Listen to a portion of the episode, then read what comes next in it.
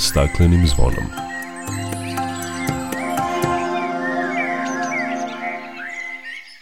Dobar dan i dobrodošli na Zeleni talas prvog programa radija Radio Televizije Vojvodine. Ja sam Dragana Ratković. Visoke temperature su uobičajene za leto, ali vreli talas koji je zahvatio Evropu i ove naše krajeve nije baš uobičajen za jun. Tropske temperature zabeležene su proteklih dana i kod nas. Govorit ćemo o urbanoj klimi i toplotnim ostrvima u gradovima, posebno u Novom Sadu, o čemu je bilo reči na seminaru klimatske promene i Novosadska urbana toplotna ostrva. U svih 14 zemalja potpisnica Međunarodne konvencije o zaštiti Dunava 29. juna obeležen je Dan Dunava pod sloganom Otkrij Dunav. U temi emisije čućete kakav je kvalitet vode u Dunavu, šta ga zagađuje i kako to utiče na živi svet, a povešćemo vas pričom i u Vojvođansku džunglu na Dunavu, specijalni rezervat prirode Koviljsko-Petrovaradinski rit. Toliko u najavi nakon pozdravne pesme o svemu opširnije.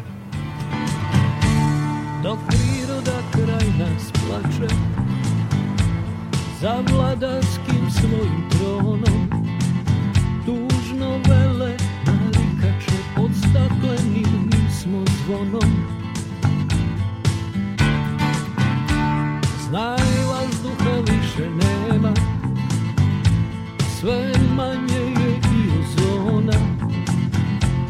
Protiv sebe ide čovek i to često bez pardona. Uništenju živog sveta Kao da su ljudi skloni. Čovek sam je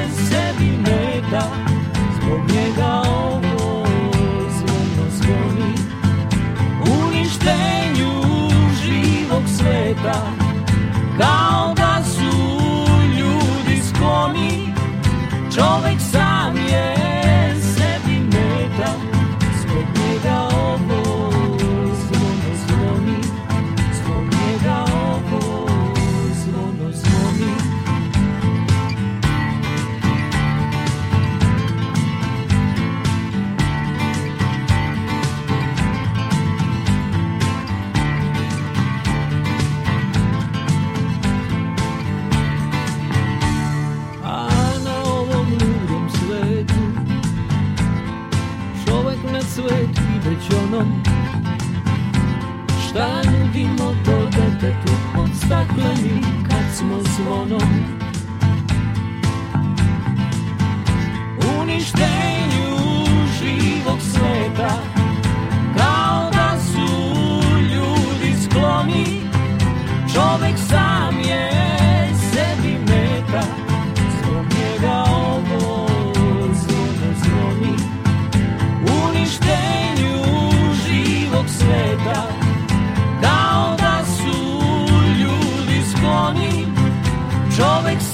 Je.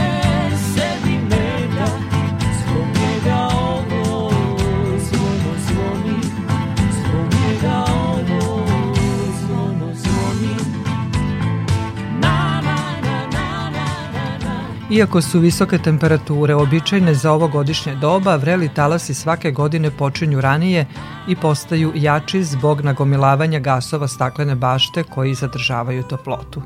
Ovih dana je vreli talas počeo da se širi Evropom od Severne Afrike, a zabeležene temperature su tipične za juli i avgust saopštila je Svetska meteorološka organizacija. Španska nacionalna meteorološka i hidrološka služba je saopštila da su se temperature unutrašnjosti zemlje 14. juna približile 40. podeoku i da će vrućina potrajati. Portugalski institut za more i atmosferu prijavio je najtopliji maj od 1931. godine, a teška suša pogađa 97% teritorije. U Francuskoj je zabeležen najtopliji i najsušniji maj, a kako je saopštila meteorološka služba Meteo France, ovogodišnji toplotni talas nastupio je najranije u poređenju sa rezultatima još od 1947. godine. Tropske temperature zabeležene su proteklih dana i kod nas, a sve teže se podnose u onim najurbanijim delovima grada. I Novi Sad je užaren ovih dana, pa je edukativni seminar nazvan Klimatske promene i Novosadska urbana toplotna ostrva, koji je organizovao pokret Gorana Novog Sada, bio dobar odgovor na vremenske prilike. Seminar je realizovan u okviru projekta Zelene inicijative za Zeleni Novi Sad, koji je nastavak projekta Zeleni dogovor za Zeleni Novi Sad. O urbanoj bioklimi, na primjeru Novog Sada, govorio je Dragan Milošević, docent na Departmanu za geografiju, turizam i hotelijerstvo Prirodno-matematičkog fakulteta, sa kojim sam razgovarala.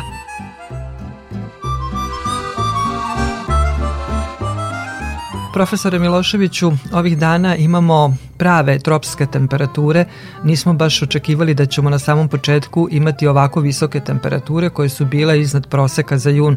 Da li je to samo potvrda da su klimatske promene na delu ovde na našim prostorima? Stručnici kažu da toplotni talasi iz godine u godinu postaju učestali i dolaze sve ranije. Pa jeste, tako je. Vidimo da taj topliji deo godine traje sve duže. Te granice između sezona, odnosno godišnjih doba se polako istanjuju i sad stvarno već tamo od praktično marta pa do kraja septembra često imamo toplotne talase. Evo sad u junu ponovo tropske temperature u toku dana i za očekivati prognoze te klimatske dugoročne pokazuju da će ti toplotni dani, odnosno tropski dani biti sve učestali. Znači imat ćemo ih sve više i u junu, to sad na neki način malo nas iznenadi, ali u klimi u zadnjih deseta godina to je sad već postao standard da ovakvi dani se javljaju u junu. Efekti ovako tropskih temperatura su urbana ostrva toplote kada je reč o gradovima? Nažalost, klima u gradu je izmenjena u odnosu na taj prirodni klimat koji je na ovom području. Izmenili smo ga sa svojom izgradnjom, sa svojom industrijom, saobraćajem i generalno načinom života. Povisili smo temperaturu u gradu zato što pre svega e, naše građevine upijaju mnogo više toplote od sunca u odnosu na neko prirodno područje i samim tim ta toplota se zadržava u gradovima i dodatno zagreva grad gde se javlja taj fenomen urbanog ostrava toplote. Novi Sad nije izuzetak od toga, znači ta urbana ostra toplote se javljaju od najvećih svetskih gradova pod onih srednje veličine kao što je Novi Sad, pa čak i, i u manjim gradovima, tako da mi u našem gradu uvek toku, posledno toku letnjih meseci, uveče i toku noći možemo da očekujemo od 5 pa čak i do 10 stepeni razliku u odnosu, na primjer, na stanicu Rimski Šančevi koja je u prirodnoj sredini izvan grada. I to je taj fenomen koji nas opterećuje i pre svega naš kvalitet života, naš odmor, naš posao, jer svi znamo da mnogo je teže funkcionisati pod ovim toplotnim stresom nego da su temperature znatno niže. Temperature i druge parametre koje se odnose na vreme mere se na 27 mesta u gradu. Šta kažu vaši podaci ovih poslednjih dana, gde je bilo najtoplije i koje su to najtoplija mesta u Novom Sadu. Znači, što se tiče e, grada, malo smo smanjili broj stanica zbog održavanja i zbog financijskih sredstava koje, koja nisu više tako izdašna kao ranije, ali i dalje praktično svake godine teško se ruše ti ekstremi koji su najviši upravo, na primjer, na Grbavici. Danila Kiša, tamo imamo jednu stanicu i tamo, to je najtopliji deo grada. Međutim, osim njega, na primjer, i ovaj, e, Nova Detelinara je izuzetno veoma topla. To su onako dve ekstremne lokacije. Međutim, takođe imamo stanici u blizini centra u ulici Žarka Zrenjanina, u blizini Banovine i ona često čitava isto ekstremne vrednosti. Znači, vidite sami taj neki šablon da što je urbanizovanije i što imamo više betona i više zgrade, a manje zelenila i manje nekih nekih plavih površina, temperature su znatno više. U odnosu, na primjer, na to, dosta je konfornije na Adicama, na Limanima, na Klisi, dok ove neke najurbanizovanije zone grada, gde, nažalost, imamo najveći broj stanovnika, upravo tu često imamo i najveći taj ekses toplote. S obzirom da nas e, ovakve vremenske prilike i ovakve klimatske promene očekuju u budućnosti sve učestalije, šta bi bilo dobro preduzeti da se ublaži i smanji temperatura u gradu i život u gradu učini što podnošljivijim, da tako kažem, i kvalitetnijim? Pa moramo praktično da te delove grada koje smo prepoznali kao te vruće tačke gradske, moramo da ublažimo temperature tamo. Sad, na, to postoje razni načini. Naravno, najefektivnije je svakako da imamo što više zelenila. Nažalost, infrastrukturno to nije tako lako dodati zelenilo, jer da imamo i kablove iznad zemlje, ispod zemlje, to nije tako jednostavno. Međutim, tu postoje i neke druge e, metode, na primer, imamo načine kako da veštački proizvedemo praktično neke osenčene površine. Znači možemo e, dodati, na primjer, neke, kako kažem, ili baldahine ili neke onako zavese iznad nekih delova grada, između dve zgrade bukvalno povučati, onda kada je najtoplije one mogu da se razvuku i da prave veštačku hladovinu u toj ulici. Naravno, kasnije kada dođe večer, kada treba toplota se vrati e, u više slojeve atmosfere, mi možemo da ih sklonimo. To za sada većinom rade ti tropski krajevi ili, na primjer, mediteranski delo i tako nešto u standardu Malag ili nekim gradovima, ali mislim kako Novi Sad se sve više urbanizuje, pored drveća, pored zelenila, pored e, prskalica vodenih površna fontana, svakako možemo razmišljati o tome na koji način da te neke veštačke tvorevine, različite ili tkanine ili različite infrastrukturne mini projekte da instaliramo pre svega između zgrada, iznad naših glava, jer upravo ta hladovina će nam pomoći na neki način da, da snizimo temperaturu. Naravno moramo onda voditi i računa kakvu vrstu tkanine bi koristili, jer ako pokrijemo ulicu, moramo voditi računa o izdovnim gasovima, da to ipak može da prođe kroz tu tkaninu u atmosferu, da ne bi snizili temperaturu, a povećali zagađenje u ulici. Kakva je vaša preporuka, kako da se građani ponašaju u ovakvim e, ekstremnim, da tako kažem, vremenskim prilikama? Pa svakako, kogod je u prilici treba da pokuša da koristi neke zelene površine u gradu, da se rasklade, da li su to ti pre svega gradski parkovi, ko može takođe i da, ako treba, i ako može da ode izvan grada do Fruške gore, na primjer, ili do Štranda, opet tamo postoji određena prirodna hladovina. Ko ne može, taj svakako mora da vodi računa i o paljenju klima uređaja, takođe znamo i da oni mogu dovesti do razno raznih zdravstvenih problema e, i možda taj neki najveći savet jeste da nismo svi jednako osetljivi i na, na, na visoke temperature. Najosetljiviji su naravno pre svega stariji stanovnici koji možda imaju određene zdravstvene tegobe, takođe mala deca, trudnice i ako imaju možda u svom komšiluku neko ko je tako u starijem životnom dobu, do toku toplotnih talasa pokucaju, da jednostavno da provere da li je sve u redu, jer nažalost i kod nas, a i u svetu, upravo najstari deo populacije često bude zaboravljen, jer tada svi smo ja, po nekim toplotnim stresom, a upravo njima tada treba najveća pomoć i ako treba da se pozove hitna, ako treba da se rashlada, da se donese voda, šta god od namirnice, jer nažalost u tim situacijama upravo o starijima najviše trebamo da vodimo računa. Hvala najlepše. Molim.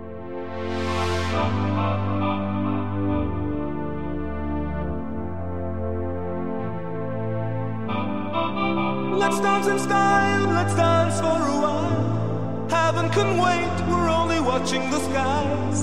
Hoping for the best, but expecting the worst. Are you gonna drop the bomb or not? Let us die young or let us live forever. We don't have the power, but we never say never. Sitting in a sandpit, life is a short trip. The music's for the sad man. Can you imagine when this race is won? Turn our golden faces to the sun. Praising our leaders, we're getting in tune. The music's played by the, the madman. Forever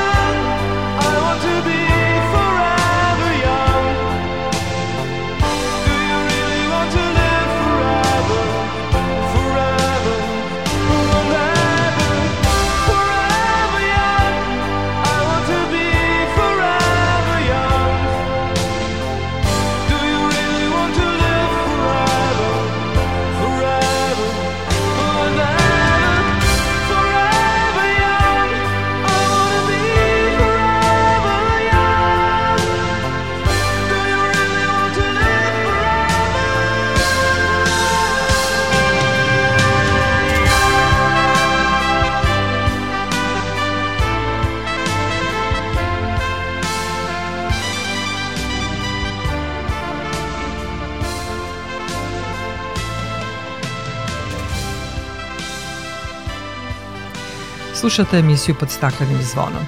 U svih 14 zemalja potpisnica Međunarodne konvencije o zaštiti Dunava 29. juna obeležen je Dan Dunava pod sloganom Otkri Dunav. Međunarodna komisija za zaštitu reke Dunav prvi put ga je proslavila 2004. godine na dan 10. godišnjice od potpisivanja Međunarodne konvencije o zaštiti Dunava 29. juna 1994. godine u Sofiji. Sliv reke Dunav je drugi po veličini u Evropi posle sliva reke Volge i obuhvata 14 država. Dunav povezuje istok i zapad Evrope sa svojih 2888 km. U njenom slivu živi 83 miliona ljudi, a oko 20 miliona ljudi se vodom za piće snabdeva iz Dunava. Cilj obeležavanja Međunarodnog dana Dunava je da se podigne svest za očuvanje reke kod što više ljudi. Kvalitet vode je ozbiljan problem zbog zagađenja koje potiče od miliona ljudi koji žive u slivu reke, poljoprivrede i industrije. Trenutno se smatra da samo 24,7% vodnih tela Dunava ima dobro ekološko stanje. O kvalitetu vode u Dunavu razgovaram sa Dejanom Krčmarom sa Departmana za hemiju, biohemiju i zaštitu životne sredine na Prirodno-matematičkom fakultetu u Novom Sadu. Dejane, Dunav je moćna reka, kažu ima veliku moć samoprečišćavanja, ali na delu kroz našu zemlju ozbiljan problem je kvalitet vode zbog zagađenja. Kakav je kvalitet dunavske vode kod nas? Kao što ste i rekli, Dunav je moćna reka i to je, ajde kažemo, jedna dobra stvar u smislu da je zaista velika protočnost od 3 do 10 hiljada metara kubnih u sekundi. To omogućava Dunavu zapravo veliki kapacitet zapravo da prihvati i nažalost ono što je više decenijski problem kod nas neprečišćene otpadne vode, ono što svi znamo i to iz godine godinu ponavljamo zapravo, a to je da dva najveća grada u Srbiji praktično sve neprečišćene otpadne vode ispuštaju u, u Dunav i kada sad uzmemo to u obzir, opet kvalitet Dunava nizvodno, da kažemo, zbog te zona mešanja i tog biološkog velikog kapaciteta koje Dunav ima, kvalitet vode i ne bude toliko loš. Ne bude toliko izražen koliko se recimo neka i mnogo manje zagađenja drastično vide na nekim manjim vodotocima, kao što su kanalska mreža u Vojvodini ili neke manje reke, pa i veće reke u, u, u Srbiji. Tako da možemo da kažemo da imamo ajde kažemo tu sreću da Dunav, mi to možemo reći inako laički proguta svo to zagađenje, međutim to se ipak vidi. I vidi se i po povećanoj koncentraciji azotnih i fosfornih materija koje posle izazivaju posledice eutrofizacije krajnji, e, da kažemo, recipijent Crno more. I vidi se zapravo po tome što se i neke zagađujuće materije koje nisu biološki razgradljive, koje su persistentne, toksične, kao što su metali, kao što su neka organska jedinjenja, zapravo oni se akumuliraju, akumuliraju se u sedimentu, i izazivaju probleme pre svega kod akumulacije, ali stvaraju potencijalne probleme zbog e, potencijalnih i budućih izvorišta vode za piće u priobalju Dunava. Tako da su to svakako problemi i bez obzira što kažemo da kvalitet Dunava nije tako izrazito loš kada se pogledaju samo fizičko-hemijski parametri, ove neke stvari su svakako zabrinjavajuće i svakako da u 21. veku ne možemo da pričamo o tome da, da se otpadne vode ne prečišćavaju. Nadamo se da i ide se ka tome da će se to rešiti u narednom periodu. S obzirom da je Dunav međunarodna reka koja protiče kroz 14 zemalja, integralno se upravlja ovom rekom, mnogi kažu da smo mi tom toku reke Dunav zemlja gde Dunav ulazi čistiji, a izlazi zagađeniji. Da li je to tačno? Pa u principu činjenica jeste da su uzvodnije e, veći gradovi, pogotovo, e, ako uzmemo prvi veći grad Budimpešta, e, rešili problem svojih otpadnih voda. Znači, to je činjenica da Novi Sad i Beograd nemaju tretmana otpadnih voda i da to zajedno je sigurno preko 2 miliona ljudi, dakle, direktno ispušta svoje otpadne vode i da je to zagađenje mora biti, da kažemo, vidljivo i nažalost jeste da smo mi država sa veoma malim procentom prečišćenih otpadnih voda i sve ove ostale otpadne vode praktično dolaze u Dunavski sliv, tako da sve se to na kraju završava u Dunavu i taj mali procenat što mi kažemo negde oko 15 do 20 posto bitno utiče da mi spadamo u, da kažemo, u te gore zone, ovaj, da kažemo, sa zagađenjem i sa uticajem na, na, zagađenje, na zagađenje Dunava. Ti parametri se menjaju, kvalitet zavisi od godišnjeg doba i sad sve češće ono što pričamo to su klimatske promene i svakako da će to zagađenje biti sve vidljivije kako bude kažemo, manja protočnost Dunava. Evo, Dunav je dosta na nekom minimumu i preti, jel tako, ako ne bude, bude sušna godina, dakle, da se taj biološki minimum iz godine i godinu sve više više smanjuje i onda će to zagađenje koje mi ispuštamo biti sve vidljivije i onda će se i parametri ti koji kažemo, Dunav uspe nekako da, da kažemo, izniveliše, bit će sve vidljivi, vidljivi i vidljivi. I to je ono što, što su problemi još veći izazovi koji nam slede, to je da ćemo u budućnosti morati još više voditi računa i prečišćavati višim stepenom prečišćavanja nego što je to do sada bilo zbog toga što ćemo imati te ekstremne sušne pojave kada će, nažalost, i Dunav biti jako nizak i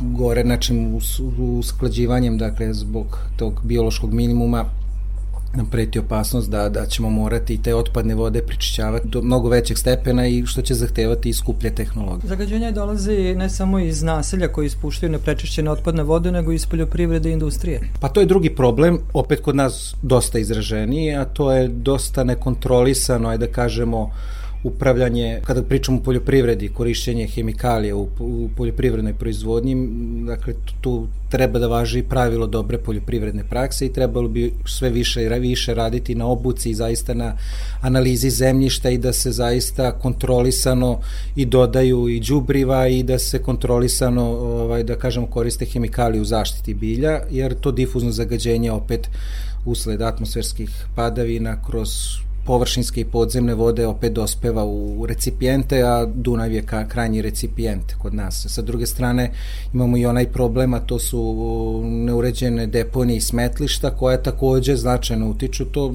praktično je da kažemo zovemo difuzna zagađenja i ako tome dodamo delimičnu industriju koja ispušta neprečišćene otpadne vode sa neizgrađenom ovom infrastrukturom komunalnom, to sve zajedno su značajni inputi zagađenja kojima treba da vodimo računa. Dakle, što se tiče poljoprivrede, dobra poljoprivredna praksa, analiza zemljišta, umereno, kontrolisano dodavanje đubriva i zapravo uređenje priobalja i zaštite u smislu neuređenih deponija, da se to sanira, da idemo, kao što smo krenuli, izgradnja sve većeg broja regionalnih deponija i da rešamo taj otpad zapravo da dospeva na mesto gde treba, a pre svega prevencija i edukacija. Međunarodni dan Dunava je prilika možda da skrenemo pažnju javnosti na problem zagađenja Dunava i uopšte i sve potencijale koje Dunav ima i koje može da nam pruži i potrebu da se ova reka zaštiti.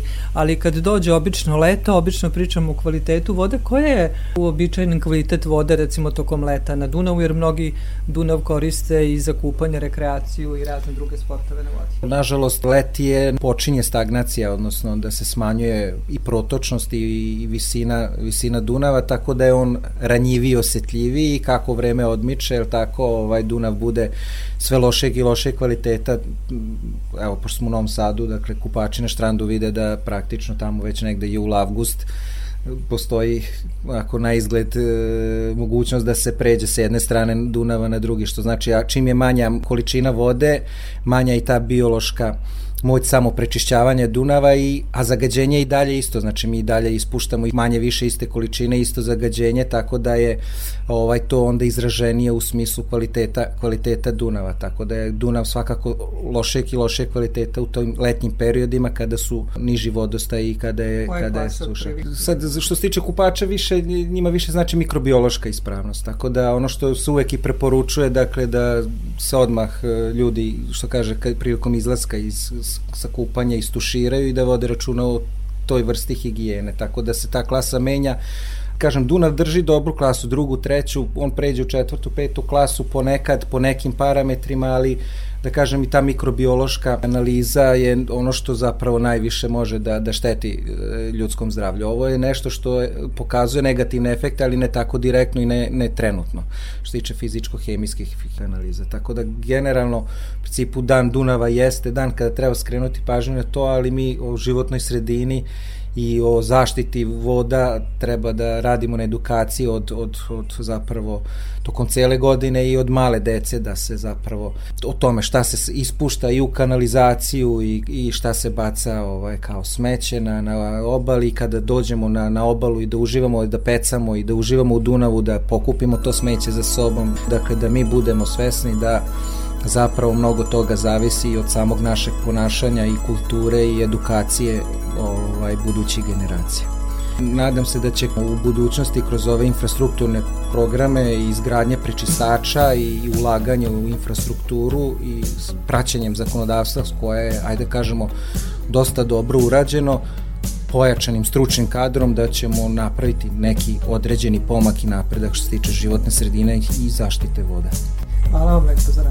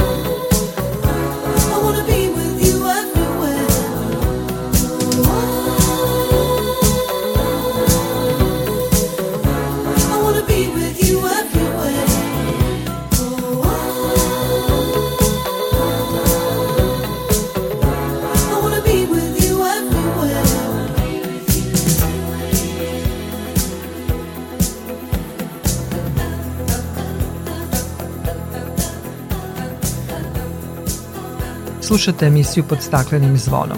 I dalje govorimo o Dunavu. Kažu, ako Dunav pređeš mostom, ništa o njemu nećeš saznati, ali ako se spustite na reku, odete pod vodu ili na njegove obale, možete upoznati živi sve Dunava.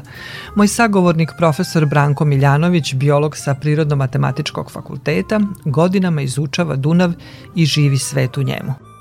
Profesore, Dunav je najviša međunarodna reka jer protiče kroz 14 država. U poslednjih 150 godina desile su se mnoge promene zbog regulacije toka reke, izgradnja brana, i sušivanja močvara i šuma na plavnim područjima i tako dalje.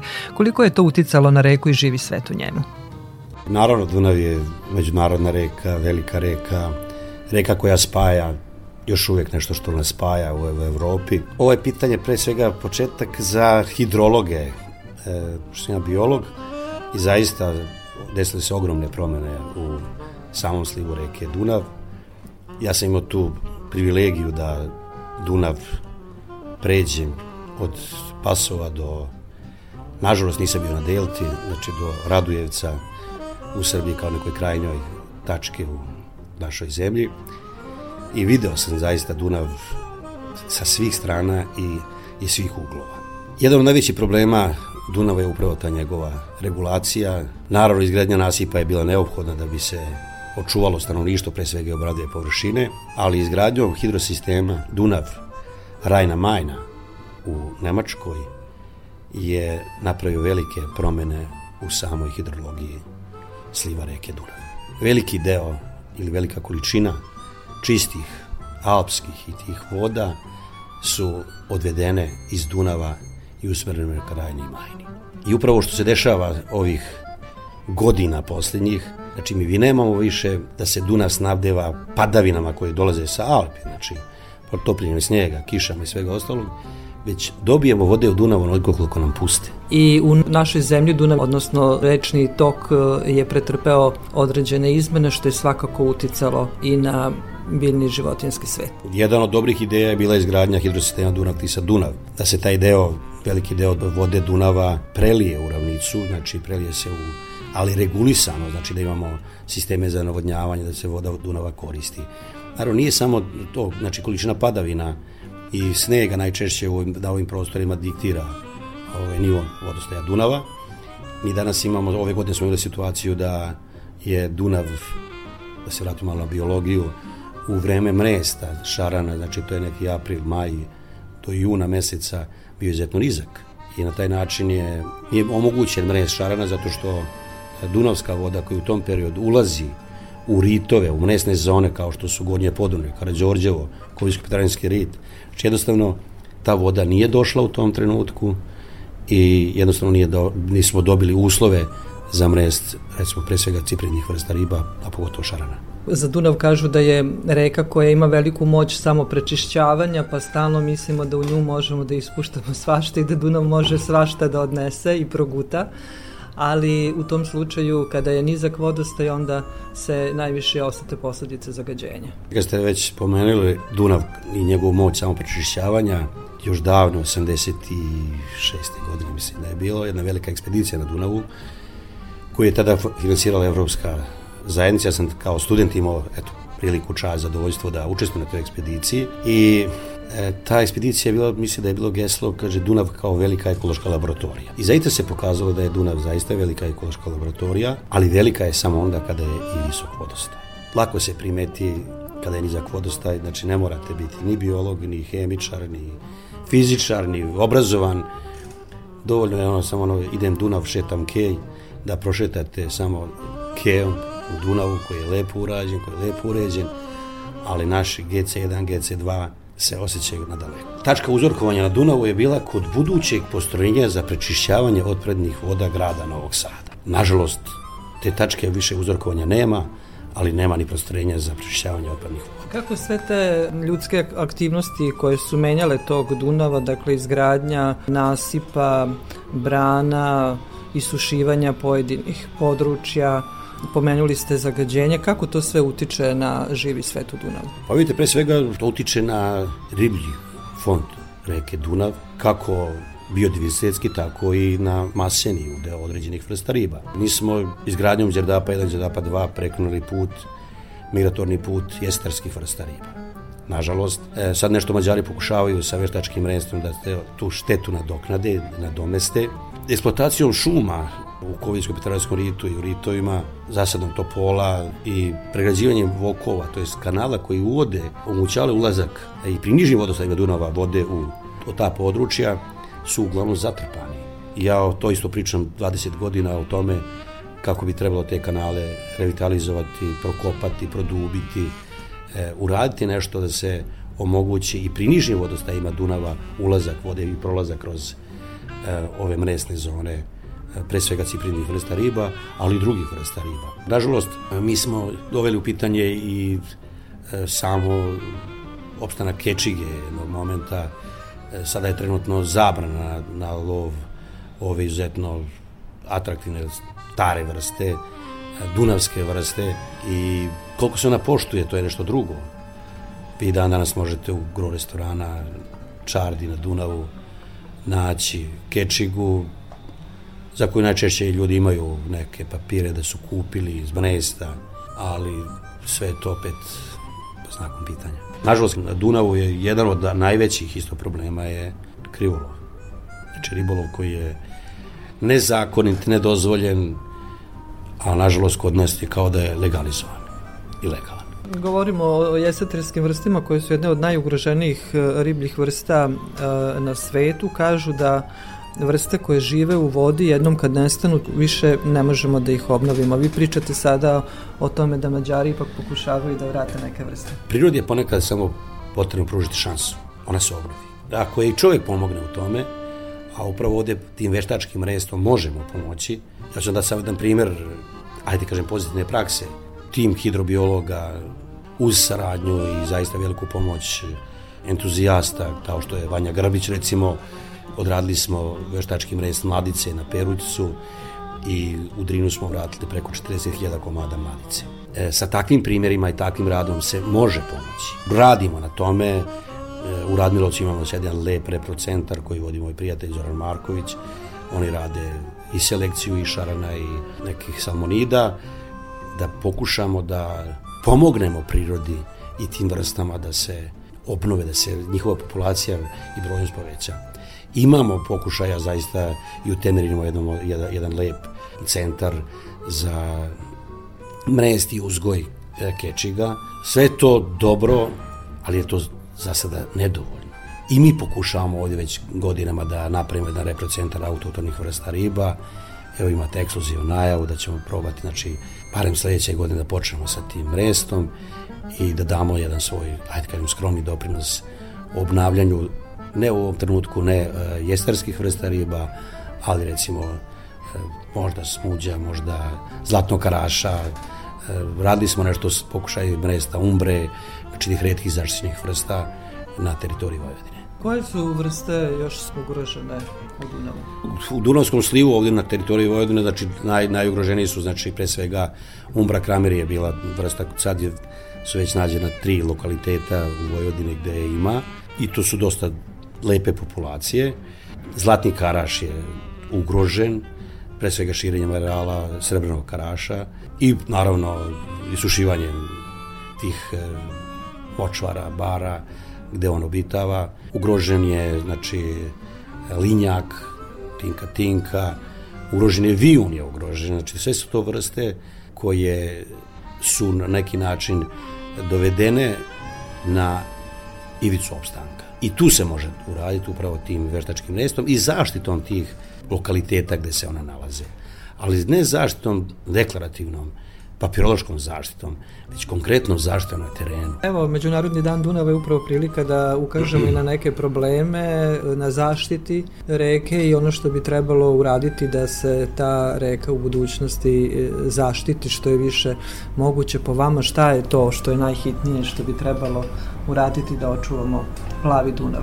Ako tako još možemo da ga nazovemo. pa plavi Dunav je zaista plav, zaista od ugla posmatranja odakle posmatramo. Ali može se uraditi dosta toga. Ja mislim da bi ministarstvo trebalo, znači buduća vlada, oformiti jedan stručni tim ljudi, da daju svoje predloge, svoja mišljenja, napraviti multidisciplinarne timove koji će raditi na istraživanju. Mi imamo sada institute kao što je Siniša Stanković, imamo Beogradski biološki fakultet, imamo Novosadski PMF sa biologijom, sa hidrobiologijom, imamo Kragujevac, imamo Niš. Svi mi imamo neke laboratorije koje se bave kvalitetom voda. Ali, nažalost, mi nemamo jednu e, zajedničku sveobuhvatnu saradnju.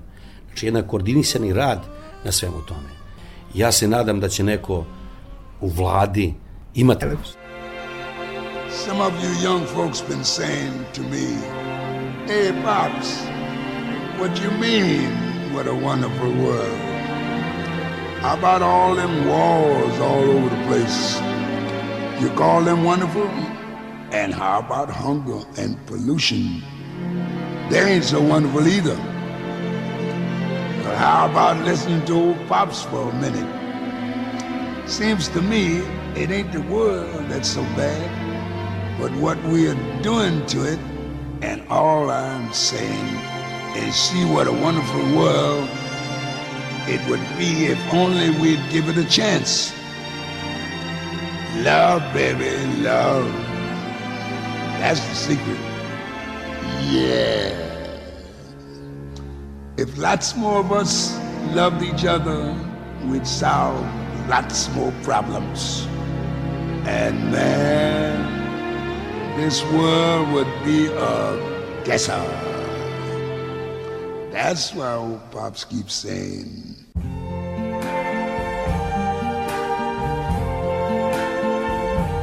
I see trees of green, red roses too. I see them bloom for me and you. And I think to myself, what a wonderful world.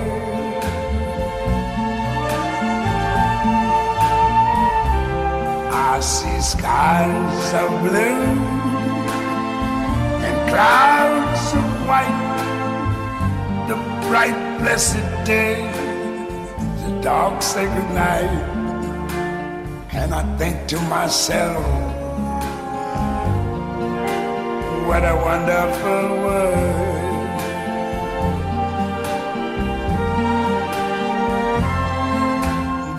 Colors of the rainbow, so pretty in the sky, are also on the faces of people going by. I see friends shaking hands, saying, How do you do? They're really saying, I love you. I hear babies cry. Them grow. They learn much more than I ever knew. And I think to myself, what a wonderful world. Yes, I think to myself, what a wonderful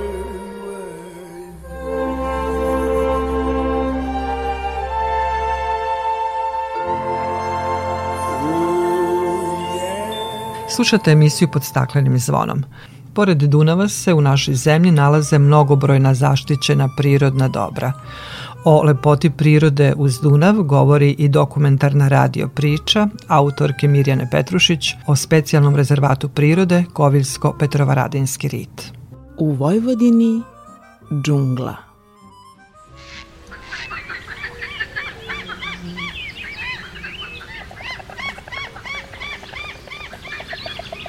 Taj naš rit, to je džungla u Vojvodini. Ako pomislim na šumu koja je ispresecena na raznim kanalima, mi kažemo vokovima, ima oni koji nikad ne presuše. A kad dođe Dunav tako visoko da poplavi ceo rit, onda je to jedna beskonačna širina koja se protiče od Kovilja gde se naslanja Dunav i teče u jednom pravcu, dok inače kad je mala voda, ona u povratku dolazi u rit.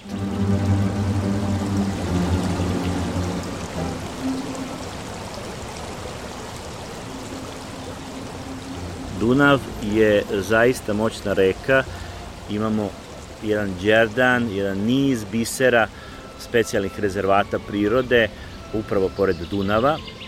Kovilsko-Petrovaradinski rit je zaista jedna posebna oaza i stanište redkih i ugroženih i zanimljivih biljnih i životinskih vrsta. Tu se može naći velika bela čaplja, mala bela čaplja, gak, kormorani, razne vrste pataka, čapljaka šikara.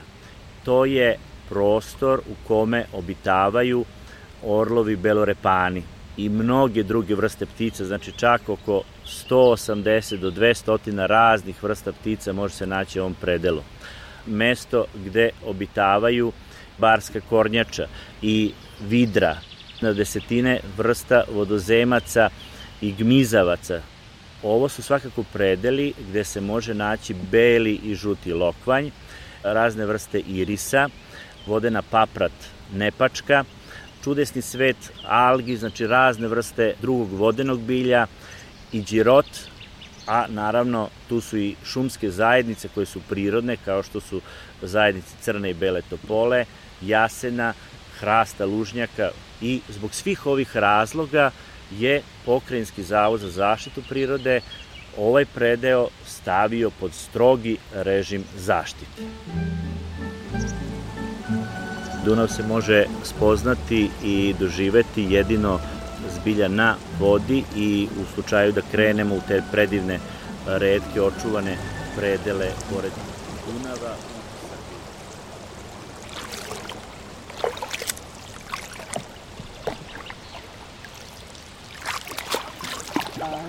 Kako je lepo ovaj. Baš je lepo ovaj cvet. To ti je barski lokvanj beli. Ali on cveta belo, a ima barski lokvanj žuti. To dokazuje da nam je još voda kvalitetna. Dokle god njega ima, još čista voda ovde.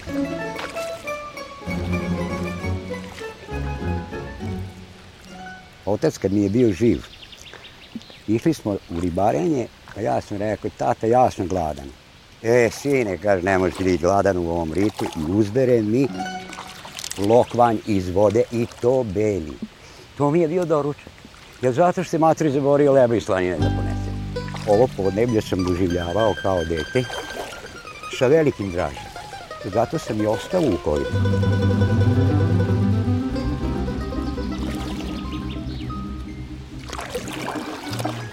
Ovde je raj za ribe, a raj i za ptice. Koliko je raj za ribe, toliko je raj za ptice, jer mi imamo ptice koje uživaju u ribnim specijalitetima. Ovde imate još ovi orlova ribara, mi kažemo Belurepana, to su ribari. Oni samo ribom se hrane. I to ima četiri komara. I oni su pod zaštitom. U drugih ptice imamo kaplje sive, bele, imamo crne rode, a najviše su nas opseli kormorani, te gadije, a isto su pod zaštitom države, ne smemo da im uništavamo, dok oni su takvi, što kaže, izjelice. Koliko je težak da nas pojede ribe.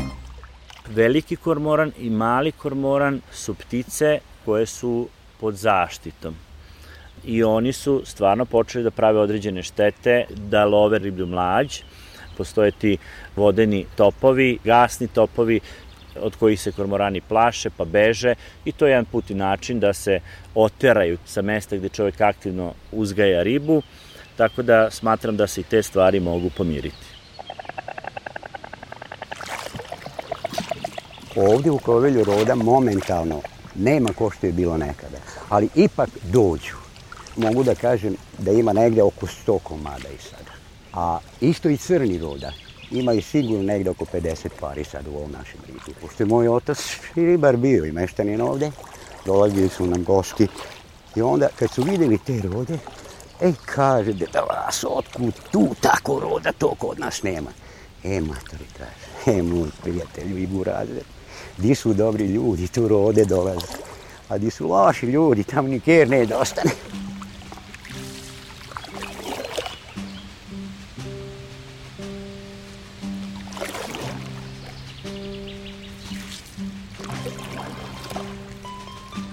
Ovo je rukavac, ide se mala agla do Šaponcovi svinjaca, tako se zove. Ovaj deo. A kad dođe voda, to se ide na Dunav tuda. Tuda su nekada skele vozili.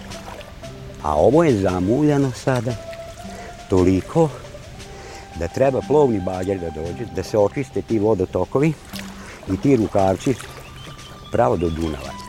I bilo bi ribe kao nekada što je bilo. A ako se to ne uradi, verujte mi, mi onda nećemo ovde imati ni puža, ni žaba, ni kuća.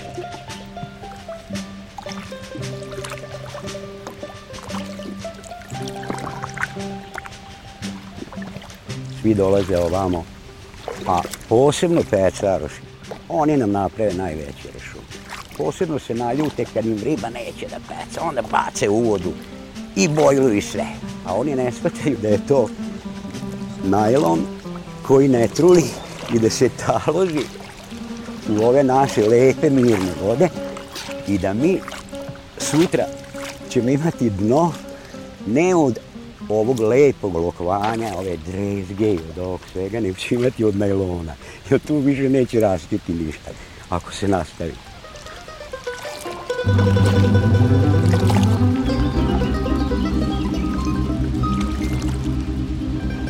Da bi mi se ostvarila želja ova.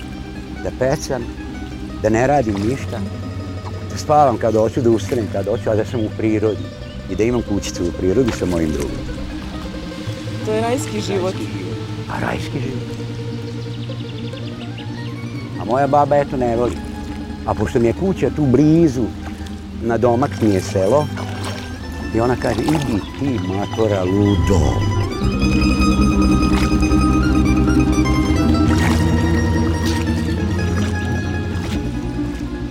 Taj naš rit, to je džungla u, u Vojvodini. Rit je pun divljači, pun barskih ptica, što ja obožavam da posmatram. Volim da posmatram i da doživim te pojave koje se dešavaju u ritu, recimo prva jutarnja rosa, u ritu to ne može da se opiše. I kad ti prođeš i oskreneš iza sebe i vidiš trag od svojih čizama, u onim biserima od, od noći što su ostali, to je nešto što treba doživjeti. Inače, rit je hranio mnoge porodice ovde, pa čak i dan danas, ribom, ogreo ih drvima. Kovičani vrlo dobro znaju da je rit i kovin jako prisno vez. I ja kako sam doživljavao rit i, i nekad i sad nema mnogo razlike jer ja ga jednako volim. Volim i one ljute komarce kad me napadaju. Volim i kreket žaba. Volim i onaj promukli glas čaplje. Sve ja to volim, volim i ovaj vetar koji ovde postoji, u stvari postoji, kažu, ruža vetrova. Pa ja gostima kažem, sad ćete vidjeti kako vetar okreće oko ove čarne i stvarno ovde vetar duva promenljivo pravca.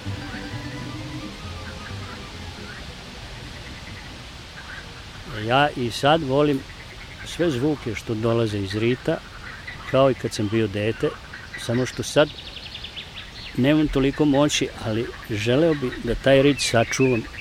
Rit je sad rezervat prirode i treba to da bude, jer mnogo je ovde i flore i faune koji treba sačuvati.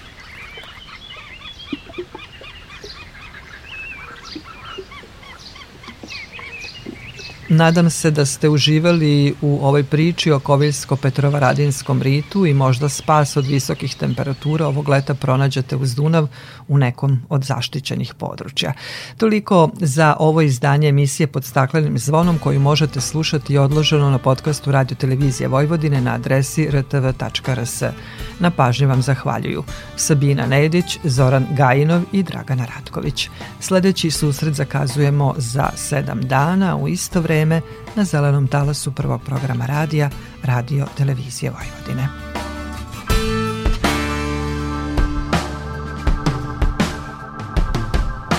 Šta ti treba? Komad hleba i pod glavom malo gline Stručak trava, reka plava i već stižeš u visine. Stručak trava, reka plava i već stižeš u visine.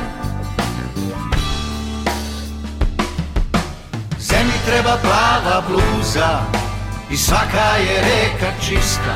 Jedna mala božja suza Što čudesnim sjajem blista. Kad si pored bistre vode Do neba je staza kraća S ljubavlju i reci odeš Sto struko ti ona vraća.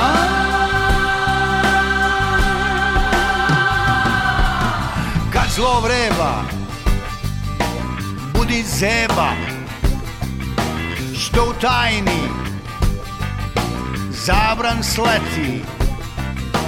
Brige smetni reku sretni i sreću ćeš opet žnjeti. Brige smetni reku sretni i sreću ćeš opet žnjeti Zemlji treba plava bluza I svaka je reka čista Jedna mala božja suza Što čudesnim sjajem blista. Kad si pored bistre vode Do neba je staza kraća. S ljubavlju i reci odeš sto struko ti ona vraća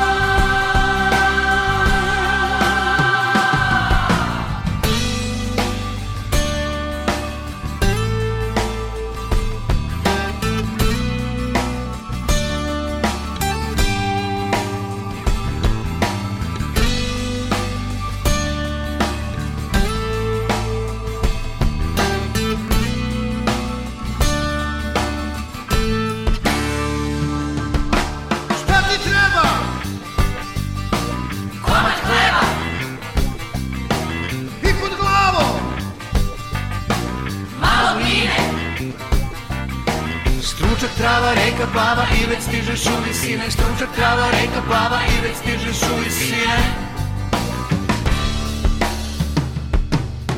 Zemlji treba plava bluza I svaka je reka čista. Jedna mala Božja suza Što čudesnim sjajem bliska. Kad si pored bistre vode Do neba je staza kraća. S ljubavlju i reci odeš Sto struko ti ona vraća Zemlji treba plava bluza I svaka je reka čista. Jedna mala Božja suza Što čudesnim sjajem blista. Kad si pored bistre vode Do neba je staza kraća. S ljubavlju i reci odeš Sto struko ti ona vraća